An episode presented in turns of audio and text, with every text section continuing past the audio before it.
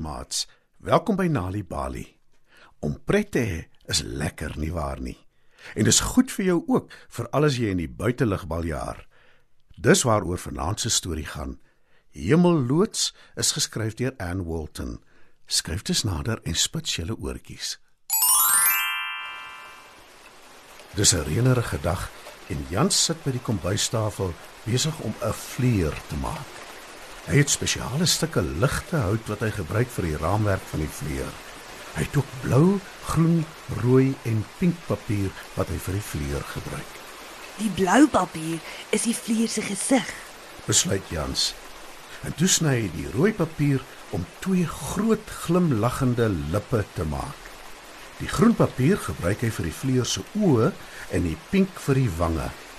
Daarna maak hy vir die vleuer 'n lang stert van blou, groen, rooi en pink papier. Jou stert lyk amper soos ouma se wasgoed wat aan die draad wapper. Sê Jans vir sy vleuer. Toe vat hy 'n baie lang stuk tou en draai dit om 'n kartonbuis. Die punt van die stuk tou word aan die vleuer se raamwerk vasgebind sodat hy die vleuer kan stuur wanneer hy dit later in die lug gaan vlieg. Jou naam is Hemelloods, want jy gaan hoog in die lug vlieg soos 'n loods van 'n vliegtuig.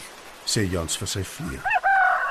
Die volgende dag sit Jans in sy rolstoel buite op die stoep voor die deur met die vleuer Hemelloods op sy skoot. Jans is gestrem en hy kan nie loop nie. Jans wag vir Hetty want sy gaan hom help. Sy gaan sy rolstoel stoot al met die sypaadjie langs so vinnig as wat sy kan. Dan gaan Jans solank vir Hemelloods begin vlieg totdat hulle by die park aankom waar Jans sy vleuer verder gaan laat vlieg. Hetty is laat en Jans wonder waar sy is. En net toe hoor hy haar stem. Hetty kom uit asem nader. Hier is ek. Jammer ek's laat. Sê Hetty. Is jou vleuer reg vir sy eerste vlug? Ja, ek kan nie wag om Hemelloods in die lug te kry nie. Sê Jans en hy verduidelik vir Hetty hoekom hy sy vleuer so noem. Nou toe, kom ons gaan. Sê Hetty en sy begin Jans se rolstoel stoot. Hetty begin beweeg met 'n drafstap en dan stoot sy die rolstoel al vinniger en vinniger. Jans rol 'n stuk van die tou af en die vleuer glip op in die lug. Hy en Hetty kyk opgewonde hoe die lang veelkleurige stert in die wind waai. Jans en Hetty beweeg verby Niels se huis. Hy is in die tuin voor die huis besig om met sy sussie Bella te speel. Niels het 'n seerowerhoed op sy kop en 'n kartonswaard in sy hand. Bella dra 'n hekshoed, Jy's nie 'n goeie seerower nie. sê Bella en swaai haar towerstaf. Ou nooi, hulle hond blaf opgewonde. Maar Niels hoor nie eers wat Bella sê nie. Hy hoor ook nie vir ou nooi blaf nie. Al wat hy sien is hoe Hetty sy vriend Jan se rolstoel vinnig stoot en hoe die pragtige vleuer in die lug wapper. Bella vergeet ook intussen van hulle speletjie en kom hou ook die twee op die sypaadjie dop. Kan ons saam met julle kom? Vra Niels. Ja, kom. Ons is op pad park toe met Hemelloods. Roep Jans in die verbygaan. Kom Bella, kom ons gaan. Sê Niels. Kom ou nooi. Sê Bella.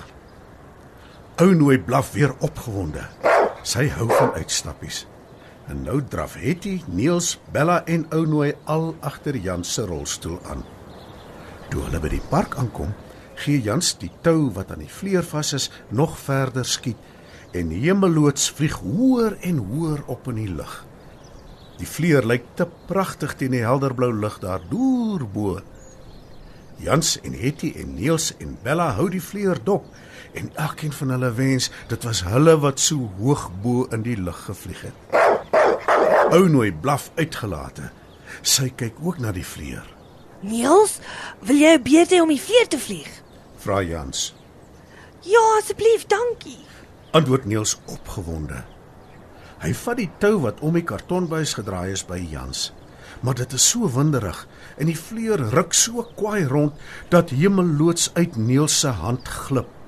Al die tou draai vinnig af van die kartonbuis af. Die vleuer vlieg al hoër en hoër want dit word nou glad nie meer beheer nie. Dit is naderhand net 'n klein klein kol deur ver bo in die lug. Maar die tou aan die kartonbuis is baie lank en ou nooi sien dit daar naby op die grond lê.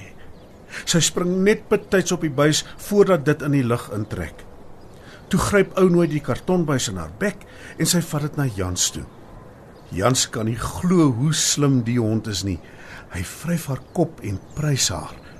Ou nooi waai haar stert gelukkig. Nou kan Jans die vleier stadig maar seker terugbring na hulle toe. Hy rol die lang tou weer om die kartonbuis totdat die vleier reg bokant hulle koppe is.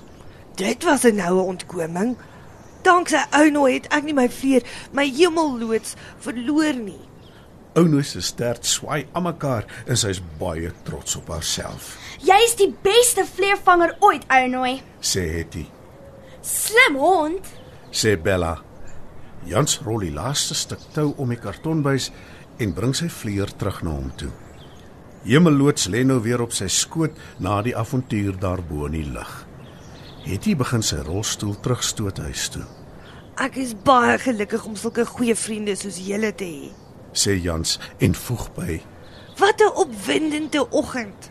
Sy vriende beamoen dit. En ou nooi die onbetwiste heldin van die dag blaf vrolik. Wanneer kinders tuistories hoor, help dit hulle om beter leerders te word op skool. Vir meer stories om vir kinders voor te lees of vir stories wat kinders self kan lees, besoek ons by www.nalibali.mobi. Daar is heelwat stories in verskeie tale absoluut gratis beskikbaar. Daar is ook wenke oor hoe om stories vir kinders te lees en met hulle te deel sodat hulle hulle volle potensiaal kan ontwikkel. Nali Bali is ook op Facebook en daar is Nali Bali stories en aktiwiteite in bylaas van koerante. Story Power. Bring dit huis toe.